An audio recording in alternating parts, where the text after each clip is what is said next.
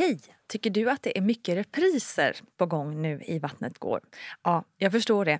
Det beror helt enkelt på att jag, Nina Campioni, just nu har en pop-up second hand i Modgallerian i Stockholm. Så min tid räcker helt enkelt inte tid att göra så många avsnitt som jag hade önskat. Men tills jag är tillbaka på full tid, kom gärna och hälsa på mig i Modgallerian. Vi ses! Okej, okay, du sprack inte så mycket att du behöver stomipåse eller opereras och ditt barn är friskt. Yes, vi signar ut dig. Bra. Ytterligare en perfekt förlossning i den perfekta förlossningsvårdens land. Mm. Så hela min bok går ut på att liksom slå hål på vad jag tycker är den helt förljugna bilden. Just det. Hej hej, hallå alla kära Vattnet går vänner. Välkommen till ännu ett avsnitt av denna gravidpodd med mig Nina Campioni. Gravid, ja det skapar ju lätt en hel del oro minst sagt. Det är liksom en del av dealen med att bli gravid och förälder på något vis. Man oroar sig för olika saker, stora och små. Men en sak som jag blir heligt förbannad över är att vi ska också, förutom att vara rädd för att barnet i magen ska, ska ska leva eller inte ungefär hela tiden, så ska vi också behöva oroa oss för det här med förlossningsvården i Sverige 2019. Man ska oroa sig för om man får plats på BB, om man ska hinna fram i tid till förlossningen då mottagningen som man egentligen hade haft närmst till just plötsligt har stängt. Ja, ni vet, ni har inte missat debatten som pågår i media helt enkelt. Och ni kanske till och med har gått i ett demonstrationståg.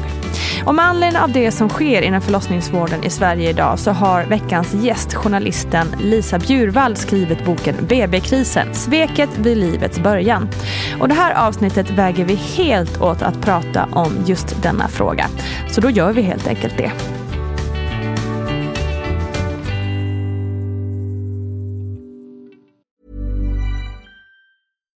Here's a cool fact.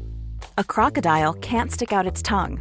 Another cool fact, you can get short-term health insurance for a month or just under a year in some states. United Healthcare short term insurance plans are designed for people who are between jobs, coming off their parents' plan, or turning a side hustle into a full time gig. Underwritten by Golden Rule Insurance Company, they offer flexible, budget friendly coverage with access to a nationwide network of doctors and hospitals. Get more cool facts about United Healthcare short term plans at uh1.com. Even when we're on a budget, we still deserve nice things. Quince is a place to scoop up stunning high end goods for 50 to 80% less than similar brands. They have buttery soft cashmere sweaters starting at $50, luxurious Italian leather bags, and so much more. Plus, Quince only works with factories that use safe, ethical, and responsible manufacturing. Get the high-end goods you'll love without the high price tag with Quince.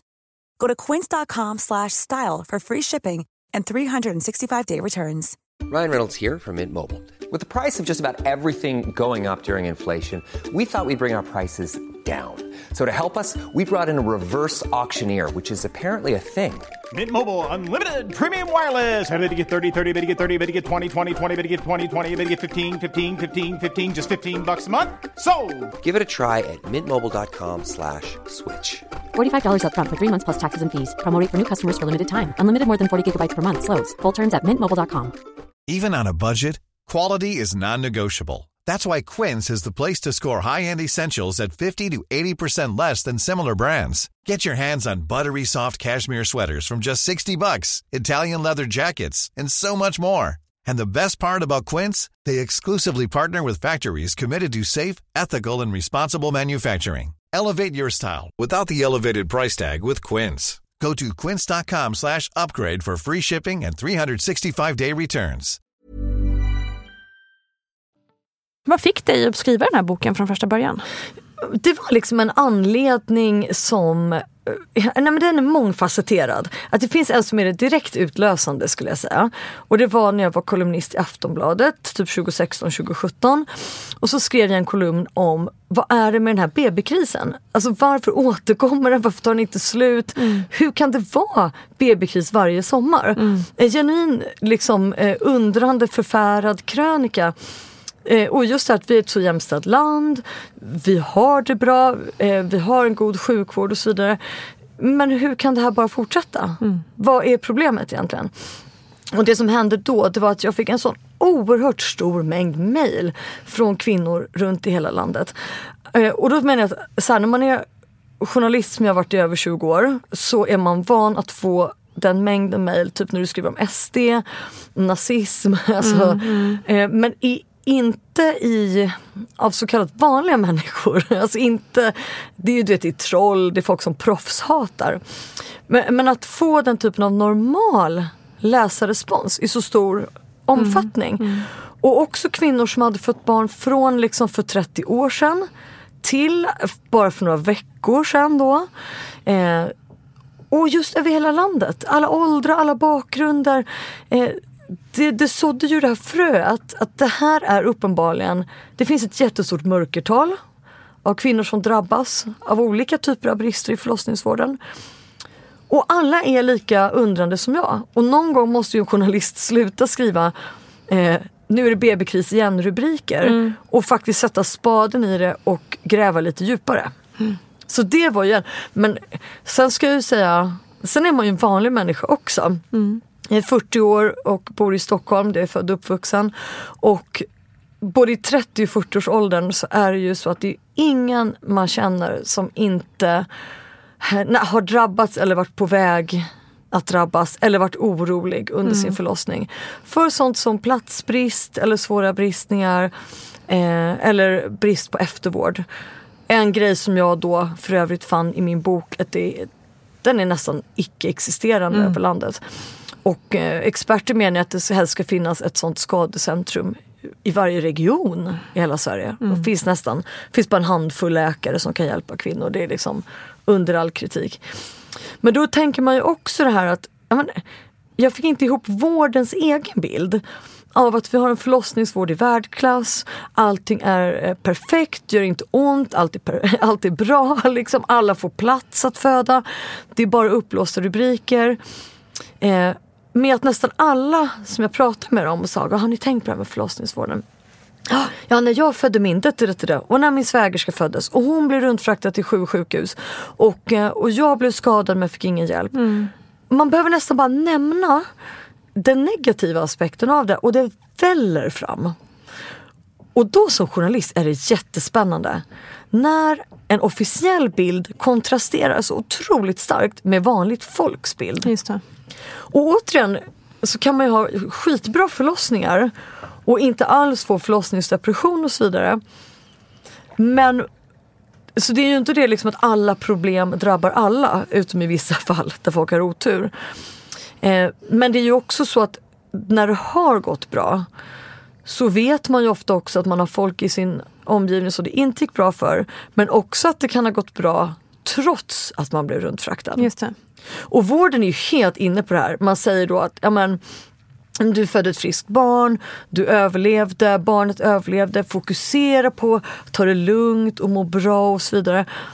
Och hela den här normaliseringen av vad jag fann var över 30 års BB-kris. Vilket är helt sjukt. Ehm, det gör ju att vi har inte varit så benägna att klaga. 30 år, det är, det är ju liksom tre generationer. Ja, och det är det som är så fascinerande att man tänker att de vars mammor födde dem, du vet, och drabbades av den första BB-krisen där, slutet av 80-talet. Eh, många av dem är ju runt 30 nu och föder sina egna barn. Eh, och det ska ju inte kunna vara så i ett land som Sverige. Att, och framförallt, som jag säger, är det här en BB-kris? Nej. Jag menar att det är ju det är liksom permanent eh, dåligt läge. För en kris är ju någonting tillfälligt. Precis, det känns lite fel att kalla det för Jaha. en, tillfällig liksom svacka. men Utan det är det, inte det, är det. ett systematiskt problem. Ja, liksom. jag, menar, jag tänker samma sak med depression. Har du haft depression i 30 år? Mm. Har du haft en skada i 30 år? Det är inte en plötslig kris. Nej. Eh, så det här är något som har blivit permanentat. Mm. Och det här är också problemet att ju längre tid det går desto fler hör man ju som säger så här då att ah, man vet hur det är i Stockholm, man kanske skulle åka dit, föda eller jag vet inte, folk säger halvskämtsamt då, ah, man kanske skulle åka till Gotland eller Mm, en släkting i Tyskland. Och då säger jag så här, nej men skämta inte, vadå? Ska vi bara säga att ja, men vi vet ju hur det är. Mm. Det minsta vi ska kräva är ju ett tryggt och säkert födande Mm. där alla får plats. Hur ska man göra det då tycker du? Så jag har 15 punkter för framtidens förlossningsvård längst bak. Mm. Jag ska inte dra alla här. Men det är, ju, det är så mycket grundläggande saker som måste till först. Sen har jag massa idéer om hur man kan göra det extra bra. Mm. Liksom. Men det är på den basic nivån att alla kvinnor måste vara garanterade en plats att föda. Man ska inte behöva ha den här psykiska stressen av att kommer jag få plats? Eh, kommer jag behöva åka till ett annat sjukhus än det jag valt? Eller till och med en annan stad. Eh, de som är med om det. Återigen kan det vara kvinnor som på pappret får en jättefin förlossning och barnet är helt friskt. Men de har försökt komma in på så fyra, fem sjukhus. Mm. Och när jag intervjuar dem så blir ju bilden en helt annan än vårdens officiella igen. För då beskriver både de och deras partner som att det här var det mest stressfyllda. Mm. Det var det viktigaste i livet och det blev en jävla pannkaka mm. av stress och nervositet. Och det var rent slump att inte barnet kom i taxin för där började liksom huvudet sticka ut. Mm. Så det där är ju också en aspekt där att vården tittar inte alls på kvinnans liksom, psykologiska mående, på hennes välbefinnande. Eh, och man tittar också bara på de värsta sortens eh, förlossningsskador. Mm. Som är såhär, okej okay, du sprack inte så mycket att du behöver stomipåse eller opereras och ditt barn är friskt. Yes, vi signar ut dig, bra. Ytterligare en perfekt förlossning i den perfekta förlossningsvårdens land. Mm. Så hela min bok går ut på att liksom slå hål på vad jag tycker är den helt förljugna bilden. Just det.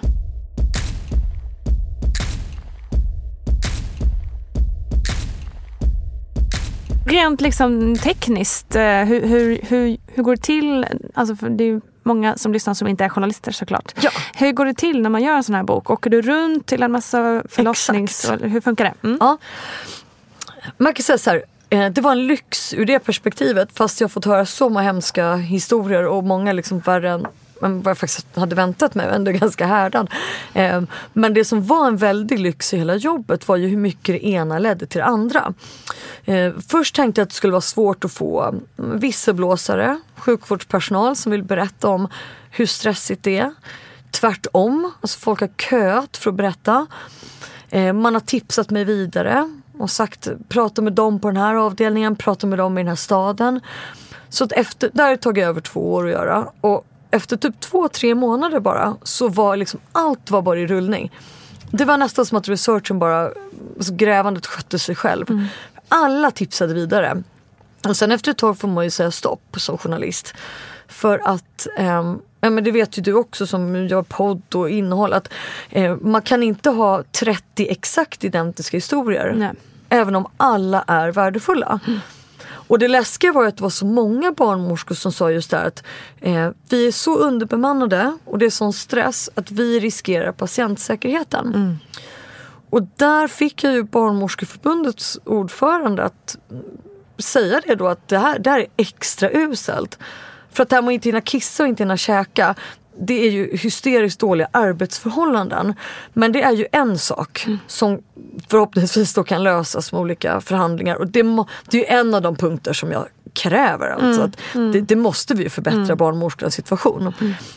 Men att det går till en sån nivå att man riskerar patienternas säkerhet. Det är ju, hon har använt något uttryck, att det är bottenuselt. Mm. Eh, det, det är bortom jag menar herregud, det finns ju tidningsredaktioner där folk är försupna, äh, har stress, är helt jävla ihjäljobbade och har skakningar och man är såhär, du ska inte jobba som journalist. Mm. Eh, men det är ju återigen, så det finns ju andra branscher där folk också har det tufft. Det ska man ju komma ihåg. Ja men gud, brandmän, poliser, you name it. Men det är väldigt, väldigt sällan att det går ut så som de vittnar om över de drabbade som man är satt att ta hand om. Mm. Och det är ju också en anledning till varför så många morskor slutar. De vill ju inte, alltså de vill inte bara vänta som de säger på att något Nej. ska hända. Nej. Och, och just att när det är så otäckt att du är i helt olika städer, träffar människor som inte alls känner varandra och så säger båda nästan identiska saker. Så här. Varje dag när jag kommer hem till min familj så känner jag, känner jag att det hände inte en katastrof idag heller. Och så åker man liksom till Växjö, träffar någon annan eh, och så säger hon jag tackar gud varje dag när jag går hem att ingenting hände. Mm. Eh, för att jag hade tre, fyra födande i aktiv förlossning samtidigt. Och var tvungen att springa emellan och det hade lätt kunnat bli katastrof i någon av de här. Mm. Och då känner man, ska det vara så små marginaler? Att de liksom tackar gud eller slumpen? Fan hur säkert känns det för oss kvinnor? Mm. Um, Så det är ja, men precis som ordföranden där i förbundet säger att det är dubbelt dåligt. Det är fruktansvärt för dem själva att jobba så och det är jätteilla för oss patienter att den risken finns. Och sen så tar ju alltid vården fram det, ah, men det är så få kvinnor som faktiskt dör. Men det är ju också en av mina poänger i boken att där kan vi inte lägga ribban. Nej, precis. Att liksom, Exakt. Ja, men det, för det är ju, vad gör vi det? det är, tänk om man gör så med vad som helst. Tandvården eller, ja men din operation är lyckad. Mm. Vi sydde ihop det helt fel i magen efter blindtarmen. Men du sitter ju här, eller hur? Mm, Det är så arrogant. Verkligen. Det, ja, precis, det känns som att det saknar respekt för, människo, ja, för människans liv. Liksom. Ja, många av de här BB-aktivisterna som jag har intervjuat. Du vet, var den här BB-marschen hösten 2017? mm, då var jag så med. har jag kollat, ja, kul, jag med. och blev redan då väldigt intresserad för då var det ju för att skriva den här kolumnen. Mm. Eller om jag precis hade skrivit den. Men då tänkte jag också att nu kommer det vara 99% kvinnor i barnafödande ålder. Eh, men över hela landet, i massa olika städer, så var det ju pappor och brorsor och ungar och far och morföräldrar. Då förstod man ju också att det här är verkligen något som berör folk. Exakt. Men eh, ja, många av de grupperna jobbar ju vidare. De säger precis det här du sa, att det blir en bristande respekt för hela människan. Att en kvinna är ju inte bara sitt underliv. Man kan ju inte bara säga så här, men nu fick du fem små stygn. Så vad klagar du på? Och där är ditt barn som till och med har börjat amma fint. Hur, kan, hur vågar du klaga? Det är ju en fruktansvärd människosyn. Ehm, jag tänker bland annat på det som jag har med i boken, Nina Åkestam, journalisten och debattören, som skrev ett väldigt uppmärksammat inlägg för något år sedan. Då vill jag följa upp det. Just om hur känns det för en förstagångsmamma att bli runtfraktad. Eh, och just att alla sa att det har gått så bra, allt är så fint. Och så står man där utkörd från BB, blöder i ösregn, man fattar inte ens vad som har hänt. Eh, Fött i en helt främmande stad, utkörd för tidigt. Hur fan mår du? Och det läskiga var ju där att hon säger som så många gör då att när jag följde upp det att det hon inte visste när hon skrev det inlägget var att hon drabbades av förlossningsdepression. Just det. Och det är det som ofta händer då. Att man eh, får ingen hjälp att bearbeta. Och du fattar hur opsykologiskt det är. Alltså, jag tror alla som lyssnar vet ju vid det här laget 2019 att har man varit med om något jobbigt, då är det absolut sämsta principen är ju så här, "Nej, men du tänker inte på att den där mannen på jobbet har tafsat på dig, nu går vi och dricker sprit. Eh, Prata aldrig om det igen särskilt. För att det är inte bra för dig. Det vet vi att det inte funkar. Så det är inte konstigt att det blir massa latenta trauman och folk som skriver till mig att de födde barn vet, så 85 och att de fortfarande är rasande. Fortfarande inte har förtroende för vården. Fortfarande inte vill gå till gynekologen för de är så här, jag vill inte att någon petar mig där igen. Så allt där, och, och men också sånt kraschade förhållanden, äktenskap. Då känner man ju, det är klart, det syns inte i dödsstatistiken, det ingen som dör. Eh, men alla de vittnesmålen har ju verkligen berört mig också. Kvinnor som säger att eh, vi tappar all anknytning till barnet. Eh, ville inte att min man skulle komma nära mig. Tappar förtroende för myndighetspersoner.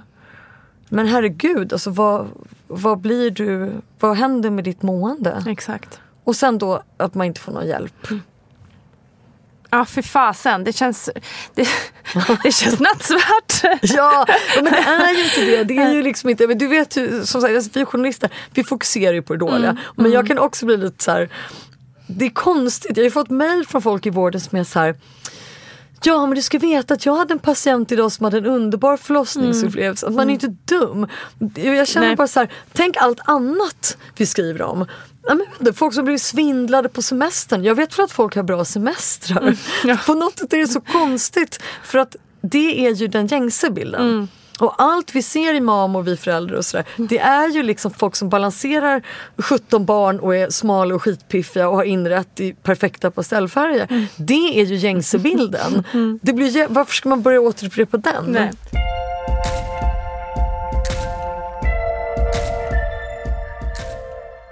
I det här arbetet, har du sett liksom, kan, kan du känna någonting som, som är positivt. Ja, ja, men alltså, ja, det är flera trender verkligen kan man säga som är positiva och en sån är ju att kvinnor står upp nu på ett helt annat sätt. Eh, och att det här med BB-marschen, att det inte bara var en tillfällig grej. Eh, för då har man ju sett tillräckligt många protester för att se liksom att ja, men, ja, sen går folk hem och slänger sina plakat där Ja. på sitt. Så var det inte här utan folk grundade då olika patientföreningar runt om i hela landet. Eh, och har börjat påverka vården på lokal nivå. Sitta med på möten, göra sin röst hörd. Eh, man börjar ta in det här så kallade patientperspektivet vilket helt enkelt är just det här Eh, inte bara det kliniska. Eh, patient A, Anna Andersson, har fått tre stygn där liksom känslokalla utan också mm, vad tyckte patienten själv? Man håller på nu och ska göra gravidenkät över hela landet. Äntligen kollar man vad kvinnor tycker före, under och efter förlossning. Inte det här helt konstiga att man är på BB och bara förresten sätt ett betyg på din förlossning. Kvinnor ligger amningsoxytocin hög och bara It's great! 10 av 10! Ja, det är den konstigaste frågan att få när man precis har fått barn. Men minns du, om jag får fråga privat, minns du att du fick den? Ja, det gör jag. Inte på an- andra förlossningar minns jag inte det. Första minns jag. För att då, då ville de också få mig, lite indirekt ville de få mig att höja mitt betyg. Usch då. Ja, för jag bara, men då var det verkligen precis det här du säger. För att jag hade egentligen ingen eh, liksom medicinsk det var liksom inga medicinska problem med min förlossning. Nej. Men jag upplevde den traumatiskt för att det gick för snabbt och det Mm. gjorde för ont och det var liksom mycket som var så här bara, ah, Mm, vad fan är det som händer? Ehm, så att jag bara, nej fy fan, två av tio liksom. Jag vill aldrig mer göra det här igen. Jag Mm. Och var, det var din mådde skitdåligt. Liksom. Och det ska respekteras. ju. Precis, men och då, då var det verkligen så här, yes, jaha, men, men, det gick, men, det gick, men det gick ju bra. Liksom. Man bara, ja, kanske det gjorde. men vad vad trött man blir. Vet, ja. ja. Ja, men det är jättefint och det är väldigt kul kan man säga, eller tragiskt komiskt. Mm. För SKL de har haft en sån här grej på sin Facebook-sida.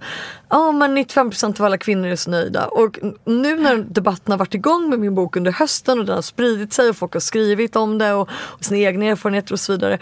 Eh, då har det verkligen liksom blivit som en damm som har brustit. För då var det hundratals kommentarer, det var för några veckor sedan. Mm. Eh, där folk bara, först det här att men vad då? Vi minns ju ingenting om någon konstig enkät, hur många som Nej, helst. nej. Eh, jag har själv två barn och har absolut noll minne av det här. Mm. Eh, jag frågar min man och han minns definitivt inget heller. Så det är jätte, jättekonstigt. Mm. Eh, och de andra, den andra gruppen är så här jag, jag har ingen aning om vad jag skrev. För Nej. att jag var så borta och jag ville, de sa att någon annan behövde rummet så jag kryssade bara i något. Ja, nej, det, Och så har du tredje gruppen just när som bara Jag hade fött mitt första barn, jag levde, barnet levde. Det var så här, Guds uppenbarelse, jag var förälskad i det nya livet. Hur kunde jag någonsin, jag satte en elva. Och det, så, Men nu skrattar jag, men alla de tre kategorierna visar ju att det är helt tokigt det tillfället gör att svaren är helt ogiltiga. Fråga liksom en person som har varit nära att störtlanda med ett flygplan om de älskar flygbolaget. visst. US Airlines, we love you, jag ska tatuera in ditt namn. Vår familj överlevde. Ehm, så det går inte. Så att nu kommer det bli spännande. Nu får, så det är en jättepositiv grej. det är ju kanonbra. Och sen så är det barnmorskeuppror på olika håll i landet. I Göteborg just nu. Protesterar. BB Karlskoga lades ner i somras. Vi hann precis klämma in det i slutet av sommaren innan boken gick till tryck. Och har varit ner där och ska dit eh, nu på lördag och föreläsa också. Och eh, otroligt omtyckt. Fint välfungerande BB. Ska läggas ner. Eller har lagts ner då. Och där är det också folk som sitter och sittstrejkar. Så alltså det, protesterna ökar och det det blir liksom jag tror så här, det går inte att backa nu. Jag tror att börjar kvinnor tycka till, klaga, anmäla, det man ser händer nu, prata om det mer öppet. Då tror inte jag, alltså jag tänker precis som metoo, kvinnlig rösträtt, whatever, vilka framsteg man än säger, små eller stora, för jämställdheten så är det väldigt sällan att det går bakåt. Att vi sluter oss igen och accepterar vårdens bild, jag tror inte det. Men vi måste, alltså rent om man ska ge några konkreta råd till eh, lyssnarna, vi måste säga ifrån. Vi måste säga ifrån och också tänka efter själva och känna så här, men precis som, som du säger, alltså, vad har vi för egna gränser? Vad har vi för egna måttstockar? Ja, då vet vi att vården har det här, du överlevde och barnet är friskt. Men mitt budskap i boken är väl, vad kräver vi i andra delar av livet då? Många av oss har ju förmånen att ha jobb där vi inte bara man kanske står i en fabrik och får fruktansvärt dåligt betalt och inte har någonstans att bo. Liksom, utan vi ställer krav på att saker ska fungera i hemmet, vi ska bli respekterade.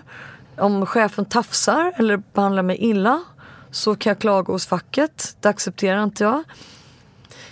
Alltså så här, bete dig som patient i förlossningsvården och mödravården som du gör i resten av ditt jämställda svenska kvinnosamhälle. Det är väl ett väldigt konkret råd. Lyssna inte på när folk säger att du har haft en bra förlossning. Det vet bara du själv. Ehm, och, du, och också så här, när folk pratar om det fysiska, ja men du sprack ju inte hela vägen eller fan det är. Nej men är det normalt att fraktas runt i tre olika kliniker och inte veta om man ska hinna få en säng eller inte? Nej, det var en oacceptabel stress. Ehm, och, och så får man ju göra lite jämförelse tycker jag kan vara pedagogiskt för en själv också. Man känner ju så här, nej men är det en man som har brutit benet? Eh, eller kanske bara ett finger. Hur behandlas han? Eh, säger man till en man då att men så där ser du ut nu. Det finns ju en hashtag som heter allt ser fint ut på Instagram. Därför att kvinnor har fått höra det då.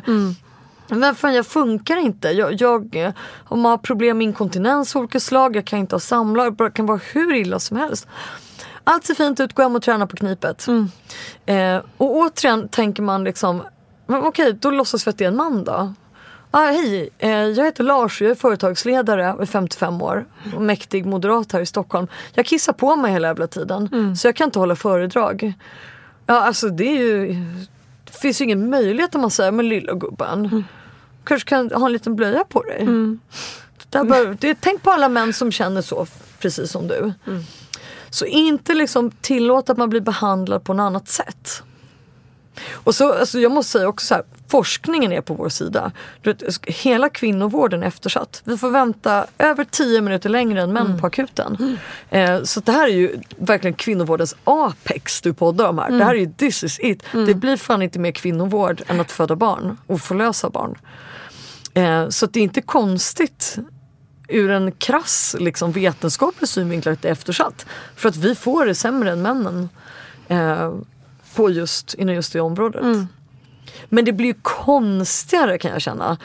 Alltså ju, ju fler liksom, kvinnliga ministrar vi får, kvinnliga partiledare Eh, kvinnliga tongivande gestalter från Greta Thunberg till chefer för dagstidningar, you name it. Desto mer absurt, och det var väl också en drivkraft till att skriva boken, desto mer absurt blir det att just här, just i förlossningsvården så är vi liksom okej eh, med att kräva så fruktansvärt lite. Och det, det, det, det är så eftersatt på alla Det fronter. är fan vansinnigt alltså. Ja.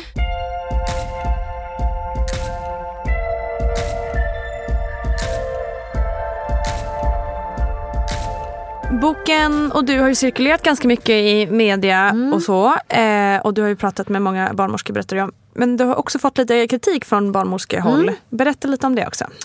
Ja, alltså en kul analys eh, var ju tidningen Vårdanalys där man skrev något så här att ja, men hon har fått, eller barnmorskor kritiserar boken.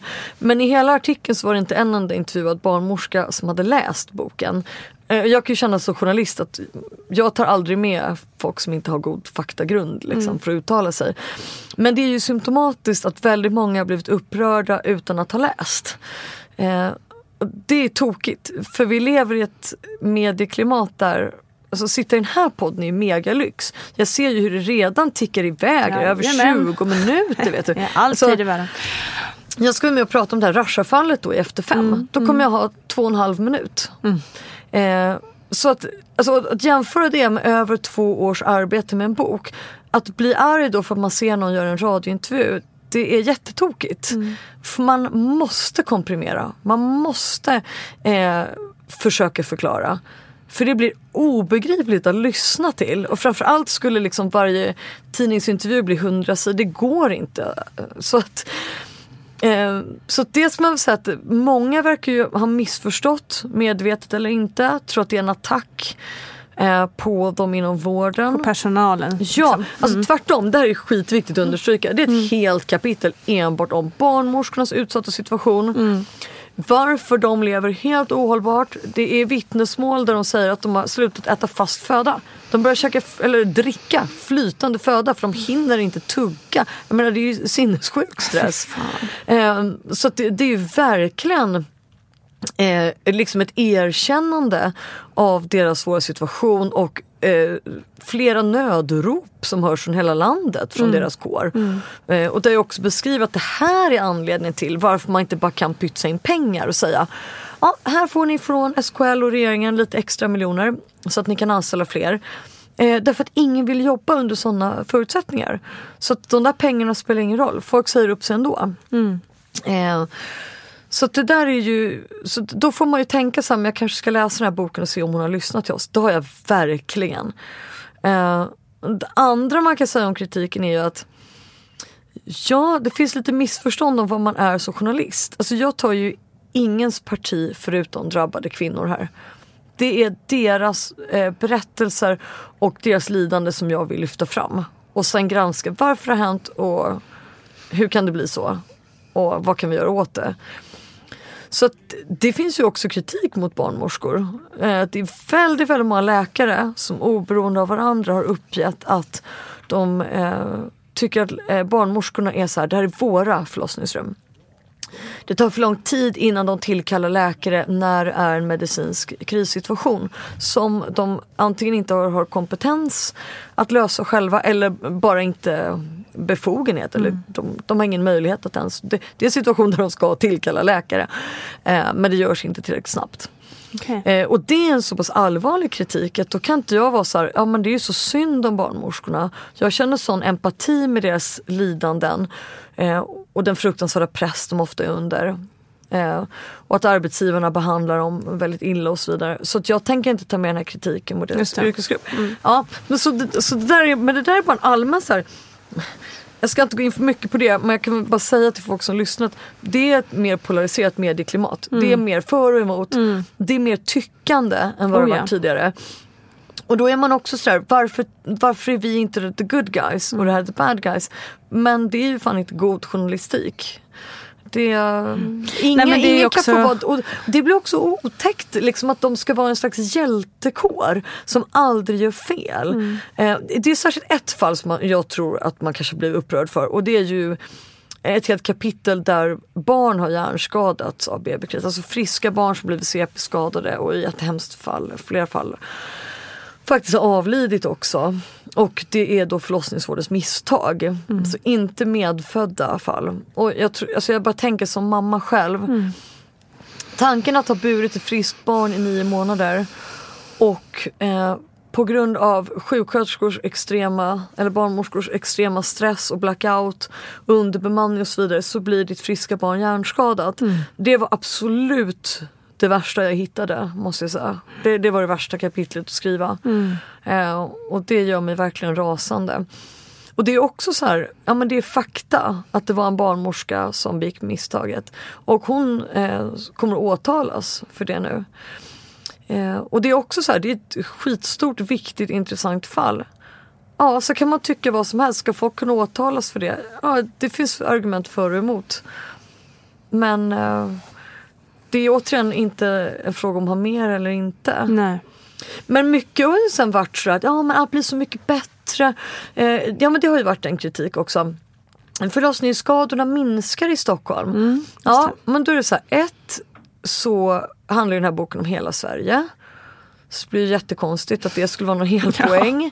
eh, de, några, alltså alla de här BB Sollefteå och allting åker från 20 mil fram och tillbaka och föda. De skiter i vi gör i Stockholm. De tycker att det, vi har piece of cake som kan Såklart. välja det på hur helst. superlyxigt. Vi kan Ja. välja på fyra sjukhus. liksom. Exakt. Eh, men då försöker jag ju lyfta fram den psykiska stressen av det då. Men då är de så här, men pröva att föda på alla fyra vid en snödriva liksom, utan mobiltäckning. Och det är ju ibland svårt att säga emot det argumentet. Eh, men så det är ju det ena, att vadå Stockholm? På andra håll så gör det in, minskar det inte. Men den absolut största invändningen mot det är ju att vi mäter ju bara de två värsta, grad 3 och grad 4. Vi mäter inte grad 1 och 2, det har man bara skitit i att göra. Återigen ett tecken på hur jävla eftersatt kvinnovården är. Eh, Så då tycker inte jag att man, eller tycker och tycker, rent eh, objektivt så kan du inte säga att förlossningsskadorna minskar. Då måste du varje gång understryka då att vi ser att grad 3 och grad 4 Just skador minskar i Stockholm. Ja. Det är något helt annat. Så som jag har försökt invända i kritiken så är det så här, kanske minskar de, kanske gör de inte det, kanske ökar de. Vi har tre möjligheter här och vi vet inte. Det som vi vet nu är att man ska börja mäta grad 2 skador. Men det verkar ta en jävla tid innan det börjar göras och sen ska du ha ett par antal år innan du samlar in det. Och så kostar det några miljoner. så. Yes. Eh, Och framförallt så är det alltså kvinnor som föder i detta nu medan vi spelar in det här och vi som har gjort det under de senaste tio åren och eh, ja, eh, sen urminnes tid innan dess har inte fått grad 2 skadorna registrerade.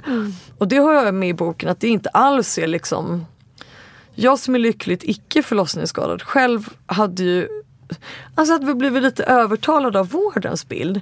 Så jag tänker så här, om är det inte värt att mäta, då är det typ ett skrapsår Just det. tänker jag. Eh, och det är inte så konstigt. Nej, men så börjar man kolla då. eh, Ja men RFSU och olika eh, medicinska fackböckers definition då. Och då är det ju visst att det kan ju vara skador som leder till inkontinens, svåra samlagssmärtor. Eh, så grad 2-skada är ju inte alls någon, bara någon liten fjuttgrej. Utan det är en skada som i många fall påverkar kvinnors vardagsliv till det sämre.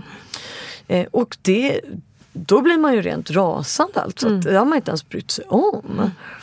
Eh, så att vården rör sig oändligt sakta fram mot något som kan likna eh, jämställdhet. Alltså. Eh, en anledning av folk sitter och lyssnar och undrar faktiskt, men varför är det just så då? Det är för att det är så få som ger pengar också till kvinnomedicinsk forskning. Man ger miljarder runt hela världen till impotensforskning. Ja. Men det är fruktansvärt, yes, fruktansvärt impopulärt att ge det. Så att, det är därför det bara finns en handfull specialister.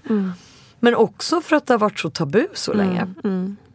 Eva Ustal, har du haft henne som gäst här? Nej.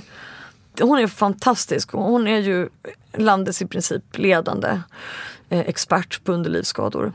Och eh, hon berättade att bara för ett tiotal år sedan så var det inte ens kvinnor som vågade vara med i hennes studier. Nej. För de skämdes så. Nu säger hon, nu är 90-talisterna är liksom Hej, ja det är nog fel på min snippa. Jag kan inte göra det här och det här. Det här är inte okej. Fixa det. Sen är det ju en ytterligare tragedi att när de kommer till henne så säger hon ju ofta att eh, hade det här upptäckts direkt hade jag kunnat laga det. Nu har det gått flera år innan du lyckades få träffa mig. Folk har sagt till dig i 5, 6, 7 år att allt ser fint ut Ja. och nu är det för sent. Nu är det pie for life. Och när jag intervjuade henne, alltså det var ju tydligt att det tär på henne att behöva säga det här till tjejer som ofta är i 20-årsåldern. Hela livet framför sig. Tyvärr, du är skadad där nere och kommer aldrig bli bra. För, ju, och där ser man också vårdens fejkade bild. Hela, allt ser fint ut, allt är bra. Tänk på din bebis, gå hem, knip lite, klaga inte. Där ser man ju hur jävla destruktiv den linjen är. Om man istället säger att "Ah, vi vet faktiskt inte, det låter inte alls bra. Du kanske ska få en remiss till en expert. Exakt. Nej, att det där är, det är jag fascinerad över att det ska vara så svårt att lyssna på en kvinna som kommer och söker om hjälp. Hur kan det vara så jävla svårt? Att ta in och bara så här, verkligen lyssna. Okej, du upplever att du har ett problem här. Vi kanske ska kolla upp det då. Istället för att, som eh, jag har en, en nära vän som haft jättemycket problem. Hon blir inte ens undersökt. Vägrar att undersöka henne. För att nej, det är inte, nej, det är inget, det är inget fel. Nej. Men vad, vad fan, hur är det möjligt? Liksom? Ja. Och jag Återigen, ja. ingen respekt för människan. Nej, och jag tycker det hjälpte att titta på andra kvinnosjukdomar, sån här vestibulit och endometrios Mm. och sånt där. Där är det samma sak. Att, att det har bara varit de absolut senaste sådär, två, tre åren som det har ändrats. Absolut, Det är jättekonstiga myter och ignorerar. Man har sagt att det är kvinnor som har ångest. Och, det är helt. och där hjälpte det ju i skrivandet av boken att titta på kvinnohistorien. Alltså kvinnomedicinsk historia. Just det här när man avfärdar kvinnor som hysterikor. Eh, man sa att de var psykiskt sjuka när de hade riktiga fysiska problem.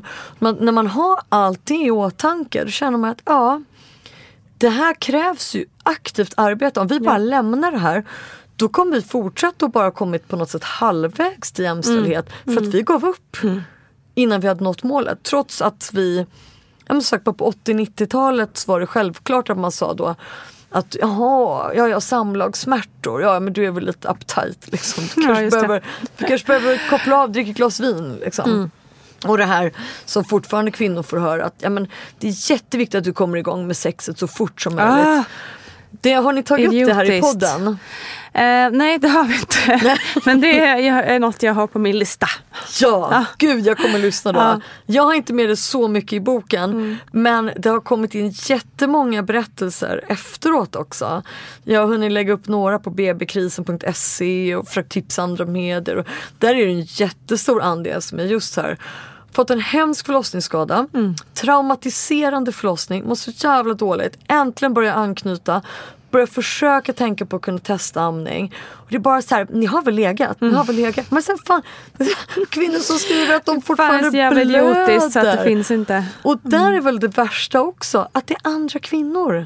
Exakt, det, precis. Ja. Det är så konstigt. Så där känner jag också med att barnmorskor ja, men de som är arga att det inte är en hundraprocentig änglalik bild. Nej men så länge man hör sådana berättelser eh, så skiter jag i att jag är kvinna och ni är kvinnor. För mig är det bara vårdpersonal som inte behandlar patient med respekt.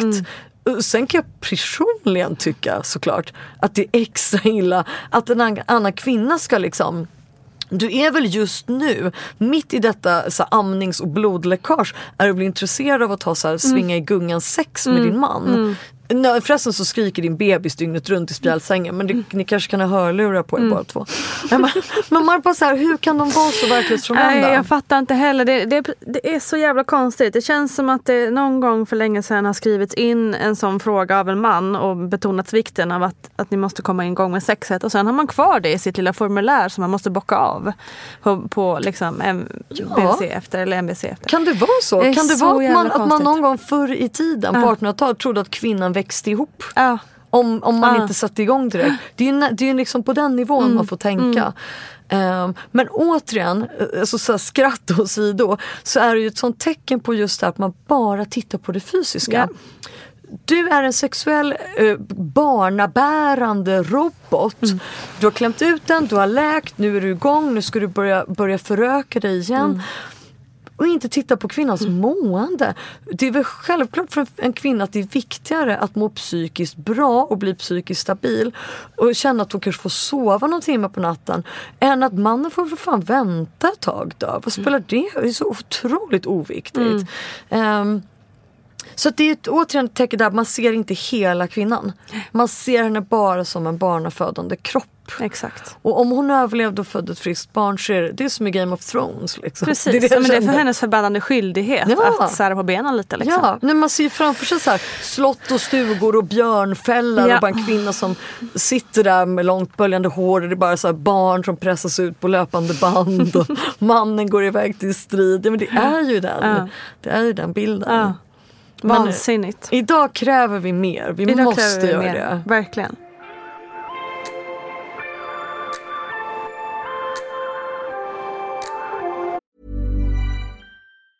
Ryan Reynolds here from Mint Mobile. With the price of just about everything going up during inflation, we thought we'd bring our prices down. So to help us, we brought in a reverse auctioneer, which is apparently a thing. Mint Mobile unlimited premium wireless. Have to get 30, 30, bit to get 30, bit to get 20, 20, 20, bit to get 20, 20, bit to get 15, 15, 15, 15 just 15 bucks a month. So, Give it a try at mintmobile.com slash switch. $45 upfront for three months plus taxes and fees. Promo rate for new customers for limited time. Unlimited more than 40 gigabytes per month. Slows. Full terms at mintmobile.com. Planning for your next trip? Elevate your travel style with Quince. Quince has all the jet setting essentials you'll want for your next getaway, like European linen, premium luggage options, buttery soft Italian leather bags, and so much more. And is all priced at 50 to 80% less than similar brands. Plus, Quince only works with factories that use safe and ethical manufacturing practices. Pack your bags with high-quality essentials you'll be wearing for vacations to come with Quince. Go to quince.com slash pack for free shipping and 365-day returns.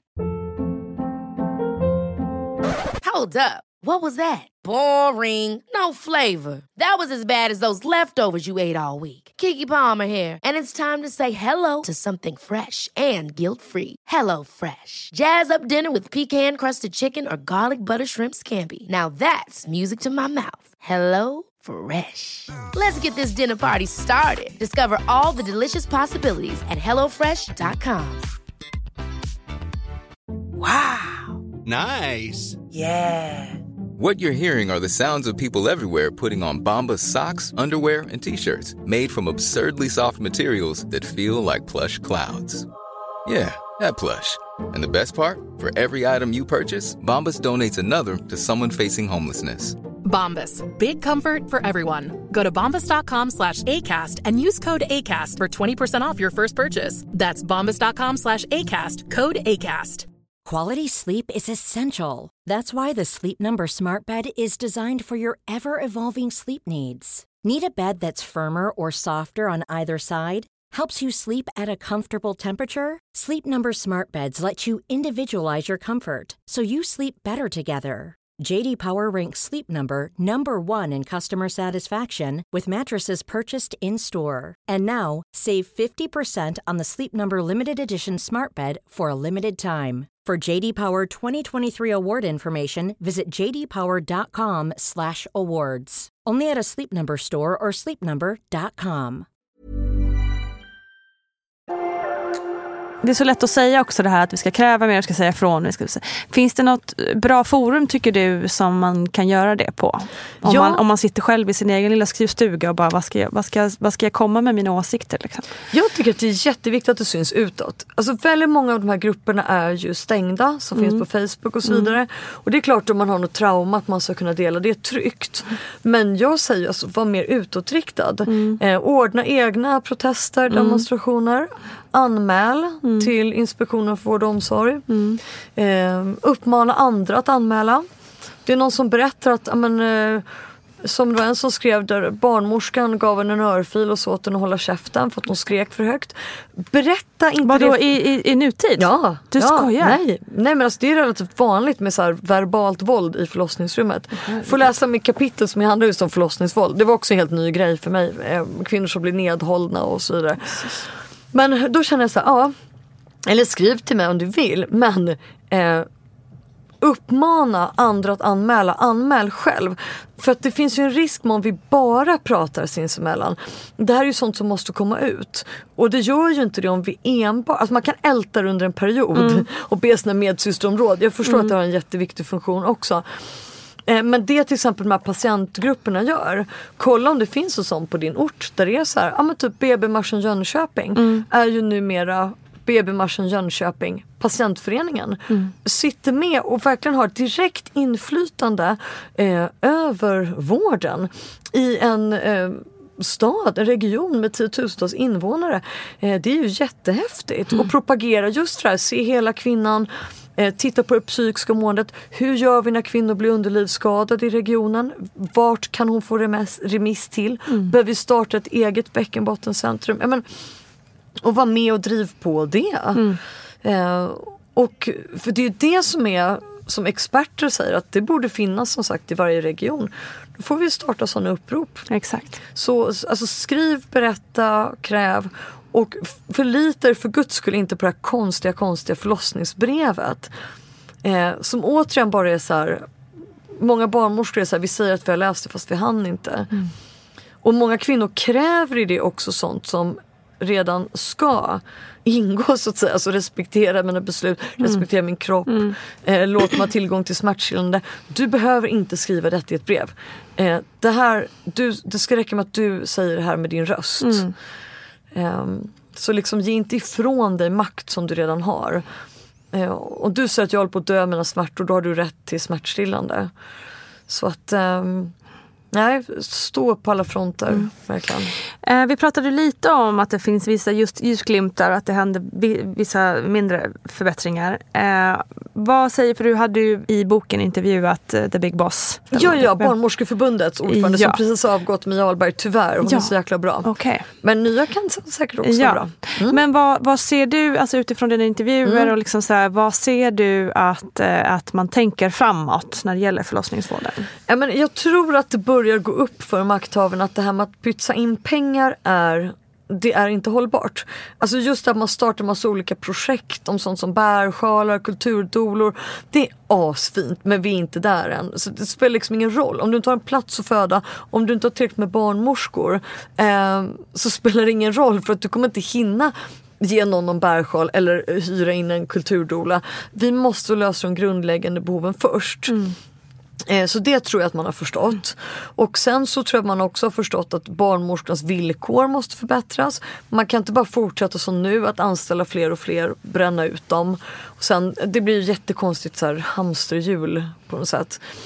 Eh, men framförallt tycker jag det här fokuset på att låta kvinnor själva komma till tals. Patientfokuset.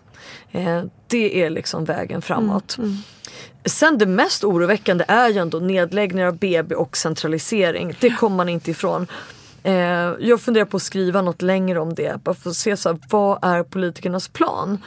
För att man kan centralisera vård som är så här, "Am, vi behöver operera oss. Du behöver operera din arm, jag mitt finger om två månader. Vi måste åka, du måste åka till Uppsala, jag måste åka till Gävle. Exakt, Fine. det går ju att planera för. Det går bra. Men det man har gjort nu i Sverige är att man centraliserar akutvård som förlossning. Och då får du ju det här sjuka att det är kvinnor som har tiotals mil och får föda i bilen och blir fan traumatiserade. Och som barnmorskorna säger där, kvinnorna i Sollefteå, då, på sina inskrivningssamtal uttrycker alla stark ångest. Och då ska du gå en hel graviditet och känna stark ångest. Under något alltså, som du var inne på också som ska vara det mest fantastiska i ens liv, det största i ens liv som man är med i som, som liksom, ja, som en så markant grej. Om man jämför det med att eh, Ja. liksom, laga ett, ett, en bruten arm till exempel. Precis och då känner jag också så att då funkar det inte som vården och säga att ja, men det går ju bra i de flesta fall. Därför att det vet ju också de här kvinnorna i Sollefteå. Men återigen bra och bra. Om de ska åka då som det är där 13 mil från Sollefteå till närmaste sjukhus. Och det är mörkt och det är vinter, det är hala vägar och det finns ingen mobiltäckning. Visst kommer det troligtvis gå bra men i jättemånga fall gör det inte det. Och det är ju ett fruktansvärt tillstånd att ge sig ut eh, på vägen när ett barn är på väg ut. Eh, man kan inte hela tiden ha att vi chansar och förhoppningsvis och det brukar gå bra. Den arrogansen inför liksom kvinnor i livshotande situationer. Så jag säger alltid när folk är så här, vad är det största och viktigaste grejen? Ja, det är attitydförändringen. Politiker, sjukvårdschefer och makthavare måste fatta att det, så här kan vi inte ha det. Nej. Det måste vara tryggt. Vi måste ha en helt annan nivå av trygghet.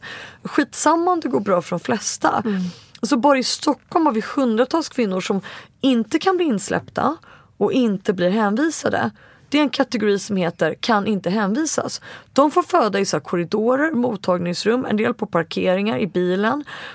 Som sagt, flera hundra varje år. Och jag känner lite så här, fan var det en man som var med om det i Stockholm per år, en enda, så skulle det bli stora rubriker. Så att det spelar ingen roll att det är tusentals kvinnor som föder bra och tryggt och älskar det eller föder hemma utan bedövning och med doftljus. Skit i det. Vi måste titta på alla de tusentals som blir skadade, inte får någon plats.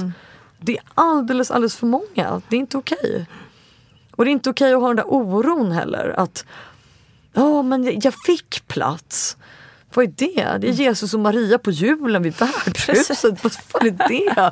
Det var, så, det var ju Exakt. 2000 år sedan. Ja. Kom igen. Vi har inte kommit längre för föda i stallet. Nej, det var faktiskt någon som skrev en sån här fantastisk eh, krönika i tidningen Barnläkaren för många år sedan i samband med en av de första BB-kriserna. För det är ju typ flera eller så är det ett enda stort tillstånd beroende på hur du ser det. Eh, som just drog paralleller. Eh, Där, eh, och mamman med det heliga barnet ringde till Danderyd men där var det fullt. Sedan knackade de på SÖS och det, där var det fullt. Ehm, men ehm, Ja, men det, Ja. är, det är helt orimligt. Och så är vi tacksamma. Yes, yes, yes, Vi är så väldigt tacksamma. Och det är det Mm. där också, att vi måste bryta det där. Återigen så, så försöker jag få kvinnor att tänka, tänk på de andra delarna av livet. Liksom. Eh, yes, jag fick öppna ett eget bankkonto i mitt eget namn, inte i min mans namn. Alltså vi bor ju inte i så här eh, Gilead, eller hur? det är ändå, vi kan inte vara så jävla glada bara för att det, för att det funkade. Det är inte, och så nu de här nya varslen. Precis. 600 Nya Karolinska. Och idag var det 100 Danderyd, 100 Södra. ja, Så Eller 200 Södra, till. Södra sjukhuset. Ja, så nu har vi 800 varsel bara i Stockholm. Mm. Är det några kvar då undrar man ju nästan. Ja, och det roliga är även när cheferna säger att det absolut inte kommer påverka Ja, patienterna. men vad är det för, För jävla... är Hur det fan kan man säga så? Ja, då är det så här 800 personer som inte har rört en patient då, Ja, eller? Ja, exakt, som börjar Är det överflöda. Vad har 800 de gjort? vaktmästare som har suttit och fikat? Precis. Helt sinnessjukt. Det går ju inte att säga så. Nej. Det är som att säga att det påverkar inte läsarna om hela redaktionen och vi har två till. Ja det som Mm. händer då det är att du får väderleksrapporten liksom på alla DNs sidor. Det, här, det, nej, men, nej men det går ju inte. Det är, men det är ju toppstyrt och det är auktoritärt och det är vården är inte van, att bli ifrågasatt. Nej. Så men jag kan säga att det är liksom ingen kritik som den här boken har fått som jag tycker har varit eh, så här, liksom värd att tänka att det där hade jag kanske skulle gjort annorlunda. Eh, eller det där, det där, där gjorde jag verkligen fel, eller där blev det verkligen tokigt. Till och med i Läkartidningen var det ett gäng tunga vårdchefer som skrev en och hela den gick ut på liksom att vi måste ändå få kvinnor att känna sig trygga och de ska inte behöva bli mer oroade. Det var liksom det tyngsta artilleri de hade. Och när jag öppnade den artikeln tänkte jag att här kommer de bocka av faktafel, faktafel, faktafel och bara du vet, så här, landets främsta experter. Nu, nu blir jag sågad med fotknölarna. Och så var det bara det. Så då skrev jag en replik där det var så här jag tycker att kvinnor är vuxna människor. Och vi är inte på samma blad. Det är jättebra att ni har börjat lyssna mer på kvinnorna. Men vi tror lite olika här. Kvinnor kan hantera fri information. Det är vad jag tror. De inte ska hållas i mörkret. Så det är också sorgligt på något sätt att vår, vårdens tyngsta försvar för kritik är liksom medborgarna av ett visst kön är inte, vi ska inte göra dem upprörda. Just det. Det visar ju liksom Ja hur de precis, de fötterna. menade att, att boken bara skrämde upp och liksom inte hade, var inte till nytta liksom, utan den skrämde upp Ja, kvinnorna. lite, ja men mest så här liksom att kvinnor är ändå i ett så skört tillstånd Mm, när de är det. Mm. gravida. Och det är så jäkla märkligt. Eh, återigen om man drar paralleller till andra journalistiska granskningar så är det ju så här, unga killar som mördas i Malmö. Blir inte föräldrar där rädda då? Mm. Jo, men återigen, de är vuxna. Vi lever inte i ett perfekt land. Det är klart vi måste ha information. Exakt. Alltså ska vi, vi kan ju inte bara ge ut tidningen Mama.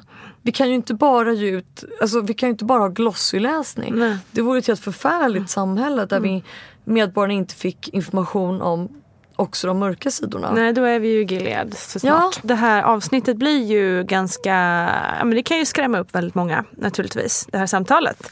Ja, Eh, kanske. på- Vi har ändå lagt in brasklappar Men- och sagt ja, att... Nej ja. Mm. men alltså missförstå mig rätt men eh, det kan ju kännas väldigt mörkt menar jag snarare. Vilket det ju faktiskt är. Och, Mm. eh, och ehm, det är ju bara väldigt bra. Precis som du säger, jag tror att alla ni som lyssnar är vuxna människor som kan inse att eh, det finns mycket som behövs göras inom förlossningsvården och att vi har makt att förändra den. Mm. Ehm, så det är väldigt mycket därför som jag vill att du skulle komma. Ja, och det har varit jättespännande att vara med. Och Jag känner också att även om man inte själv är drabbad, alltså återigen, jag är ju själv lyckligt icke förlossningsskadad. Eh, Men det gör ju inte att jag inte vill lyfta fram de stackars unga kvinnor, många mycket yngre än mig, i 20-årsåldern. En del skadade så att de har stomipåse på magen. Eh, det blir ju liksom både en journalistisk plikt men också en medsysterlig plikt. Att, Exakt. att ska jag medverka till bara för att jag själv har klarat mig det är ju väldigt osolidariskt. Eh, Så att, som sagt, man, man kan känna så här, att man kan känna sig trygg i sig själv och tänka att jag har haft en bra förlossning och jag kommer säkert ha det igen. Men det är så, det är allt för många som inte har det. Det är det det handlar om. Verkligen.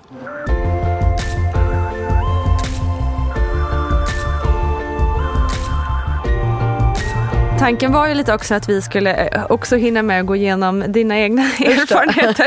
nu hinner vi nästan inte det, men jag tänkte i Nej. alla fall snabbt fråga ehm, hur, hur, hur, liksom, hur dina, ko- ko- kopplat lite till Mm. eh, det vi pratat om naturligtvis. Hur har dina upplev- egna personliga upplevelser varit? Är det någonting som du själv reagerat på under dina graviditeter? Mm. Ja men alltså min första graviditet, min första dotter är född 2012. Och det jag verkligen reagerade på där var ju just det som jag skriver om i boken, den sockrade informationen innan. Mm. Eh, och jag tror man har väldigt mycket lättare som journalist att reagera. Vi har känselspröten ute, extremt känsliga på saker som låter falskt eller konstigt eller som att det saknas bitar i informationen. Mm. Eh, och där var det ju, liksom, det här var jag ju redan påläst men det var ju nästan mamma och pappa träff innan och så skulle vi prata om och det var så här, ja men om man möjligtvis har, känner lite smärta så kan man försöka andas lite. Och jag var bara såhär what? För då hade jag ju redan grillat väninnor som hade fått barn. Eh, min egen mamma och moster och, och folk hade varit jävligt rättframma för de vet att jag är en rättfram person. Och, det, och liksom också jobbar med det och har varit mycket krönikör och tyckare och sådär. Så återigen kanske jag haft det lättare då än andra gravida. För jag fick verkligen den osockrade sanningen där. Ja. Jättemånga det var den värsta smärta de har upplevt. Kändes som de blev överkörda av ett tåg, de slets i stycken, det var helt fasansfullt. Eh, Och då blev det ju så parodiskt. Att sen samtidigt sitta och liksom se något diagram här nere. Här är ett smärtdiagram och här någonstans kan man behöva andas lite djupare och det är jättebra om du går någon profylaxkurs. Och jag var såhär, vad fan är det här? Det här är helt patetiskt. Och så jättekonstiga så här diagrambilder av en kvinna som ammade. Och vi var så här, ha, vad ska man? Ja, vi vet att så här, mun till bröstvårta, vi hajar den principen. Liksom. Ehm, det, var, det var verkligen som så här, eh, kurs att föda barn för 12-åringar. Eh, men, det, men det läskiga var återigen lite då att alla var så här, mm, gratis fika, mys mys. Och jag var den här asjobbiga som räckte upp handen och bara, mm, but excuse me. Eh, och jag minns att jag räckte upp handen och sa så här, men om det är en man som ska operera ut blindtarmen så rekommenderar ni väl inte att man inte ska ha smärtlindring? Nej absolut inte sa de. Så, nej, men många beskriver det som en oerhört kraftig obaglig smärta.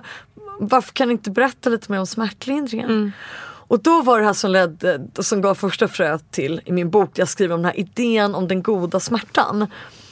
Eh, att, att det finns en sån konstig så här smärtkult liksom, att man ska och att det är lite finare om man ju mindre smärtlindring man har. Bara återigen så helt medeltida fast det drivs av kvinnor själva på något sätt.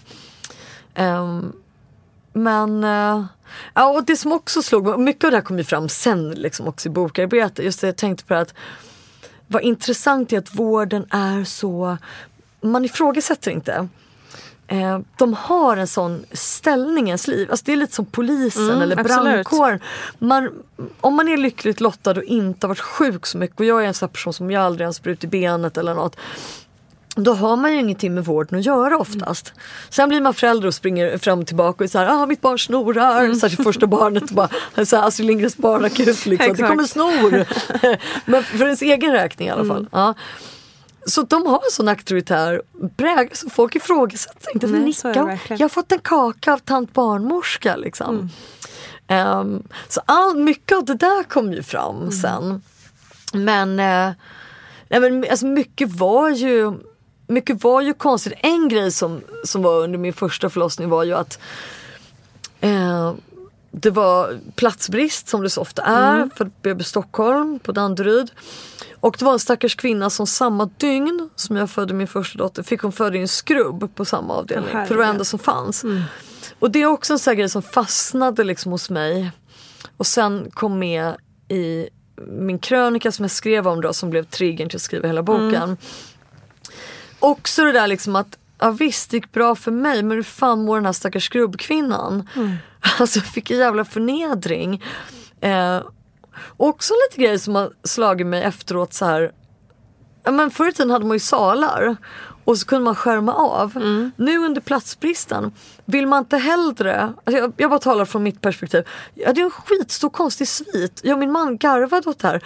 Det var ju så här, någon skinnsoffa och skinnfåtölj och glasbord som någon så här 80-tals lounge. Vad fan skulle vi där och göra? Han var ju vid mig. Det var inte så att man bara, ah, men vad bra då kan vi bjuda in lite gäster och, och röka mentolcigaretter Nej, här.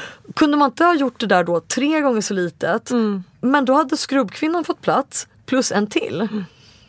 så såna här val är intressant. Det är också när man, när man Exakt, nya varför Karolinska. gör man inte att de är lite mer flexibla? Att Ja. man under när det är tidspressat, till exempel BB, alltså sommarmånaderna, så kan man väl liksom Ja. enkelt bygga om de här Och varför rummen. byggdes det så stort från första början? Ja, när vi har haft den här krisen i Karolinska. 30 år. Herregud. Nya Karolinska. Inte kunna öppna fönstren på förlossningsavdelningen.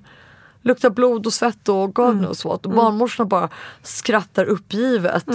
Det var ju första planen, jag tror de ändrade på det sen. Men det var ju manliga arkitekter. Ja men då. herregud det där jävla bygget alltså, Ja, vilken ja. katastrof. Ja. Nej, men det, är mycket, det är mycket man ser tror jag liksom, som journalist. Det är mycket man lägger på hjärnan eh, och analyserar efteråt. Och det är klart man tänker, ja, men också en sån här grej som att man hade förutsatt att det skulle vara en och samma barnmorska. Någon så trevlig kvinna som är 50 år heter Ragnhild och är så jättevarm och, och är som ett ljus som tar emot det nya livet. Och så redan efter typ så ett, två timmar så blir det fullständig rotation. Ingen aning, vad tog hon den andra vägen? Vad hette hon? Jag vet inte. Eh, kommer in och studenter som står och ser förfärade ut. Det där eh, var ju också en så fullständig chock, ingen information. Eh, och sen hade vi det här också att, eh, att vi hade fått höra att alla skulle få plats. Som vi köpte rakt av. Varför inte? Eh, där kände jag väl också som journalist att troligtvis att det är för mycket att bluffa om. Det är för stort. Okej det där med att göra en extrem sockrad bild av att du bara behöver andas tre andetag så kläms bebisen ut. Eh, det fattar man att det är något så här eh, urtida sätt att inte skrämma kvinnor. Fast det inte är okej. Eh, att det inte är demokratisk upplysning liksom. Men, eh, men att säga att alla får plats, det kände vi nog hade varit lite för stort att bluffa om. Så där minns jag absolut den första chocken. Yes, verken är igång. Nu ringer vi Danderyd och berättar att vi kommer in, yay! Nej, här finns ingen plats. Eh, och min mamma så tappar mobilen i chock. Och då finns ingen plats. Vi, alla ska ju få plats. De garvar rått liksom i telefonen. Ja, här finns ju, jaha, inte på BB Stockholm, men på resten av Danderyd då? Eh, nej, absolut inte. Okej, eh, men vad ska vi göra då? då? Ja, vi får kolla andra sjukhus. Och, ja, men det är fullt på alla andra också. Ni får vänta.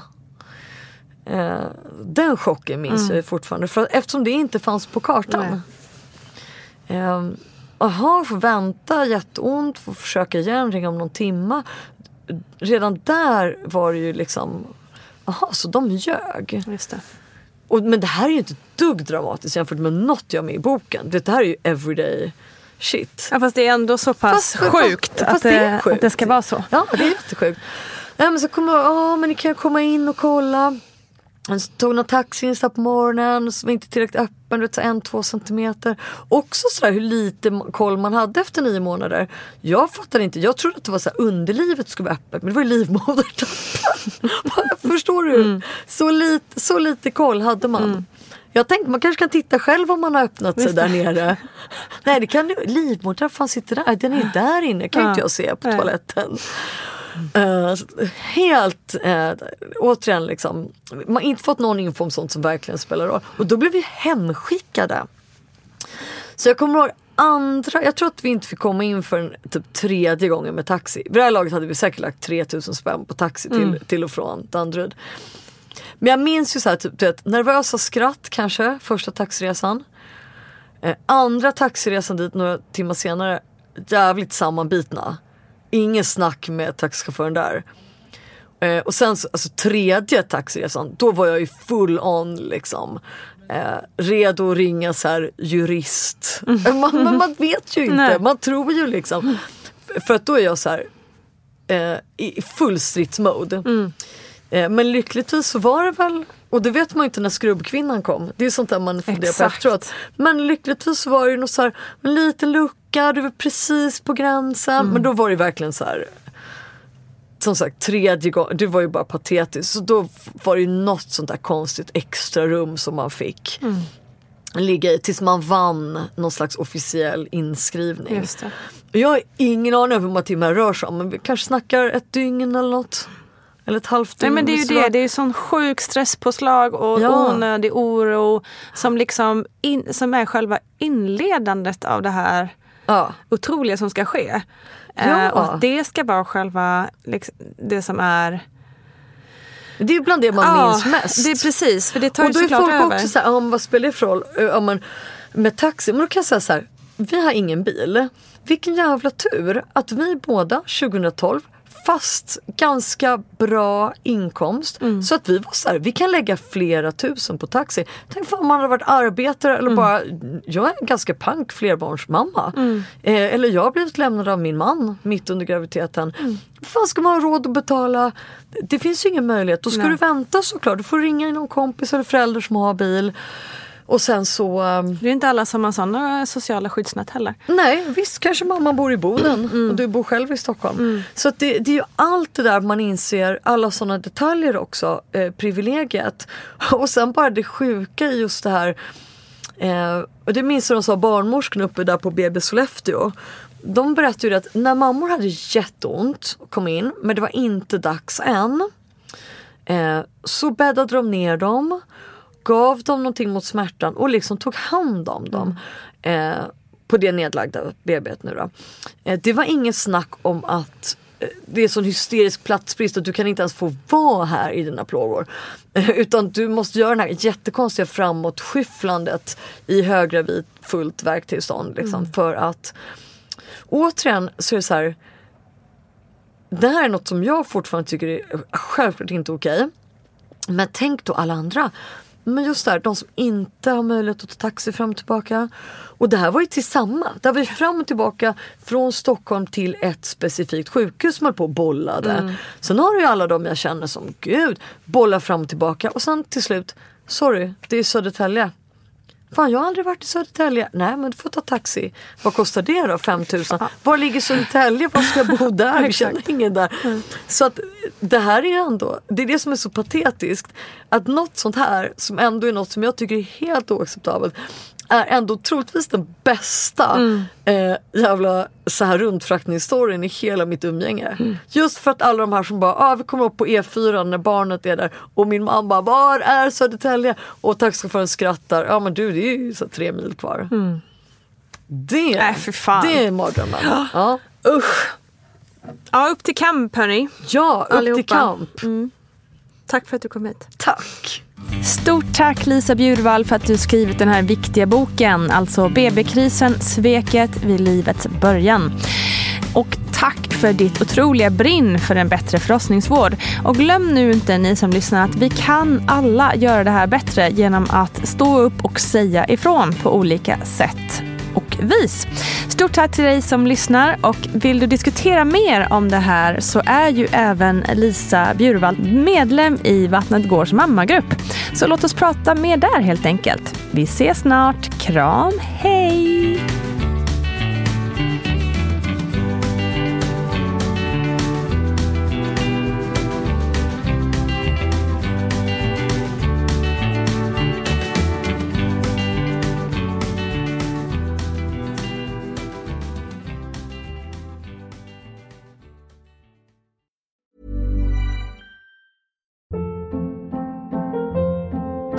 Hold up. What was that? Boring. No flavor. That was as bad as those leftovers you ate all week. Kiki Palmer here, and it's time to say hello to something fresh and guilt-free. Hello Fresh. Jazz up dinner with pecan-crusted chicken or garlic butter shrimp scampi. Now that's music to my mouth. Hello Fresh. Let's get this dinner party started. Discover all the delicious possibilities at hellofresh.com. Hi, I'm Daniel, founder of Pretty Litter. Did you know cats tend to hide symptoms of sickness and pain? I learned this the hard way after losing my cat, Gingy. So I created Pretty Litter, a health monitoring litter that helps detect early signs of illness by changing colors, saving you money and potentially your cat's life. Pretty Litter is veterinarian developed, and it's the easiest way to keep tabs on your fur baby's health right at home. Go to prettylitter.com and use code ACAST for 20% off your first order and a free cat toy. Terms and conditions apply. See site for details. Mom deserves the best, and there's no better place to shop for Mother's Day than Whole Foods Market. They're your destination for unbeatable savings, from premium gifts to show-stopping flowers and irresistible desserts. Start by saving 33% with Prime on all body care and candles. Then get a 15-stem bunch of tulips for just $9.99 each with Prime. Round out Mom's menu with festive rosé, irresistible berry chantilly cake, and more special treats. Come celebrate Mother's Day at Whole Foods Market. Hey, it's Paige DeSorbo from Giggly Squad. High quality fashion without the price tag. Say hello to Quince. I'm snagging high-end essentials like cozy cashmere sweaters, sleek leather jackets, fine jewelry, and so much more. With Quince being 50 to 80% less than similar brands. And they partner with factories that prioritize safe, ethical, and responsible manufacturing. I love that. Luxury quality within reach. Go to quince.com slash style to get free shipping and 365 day returns on your next order. Quince.com slash style.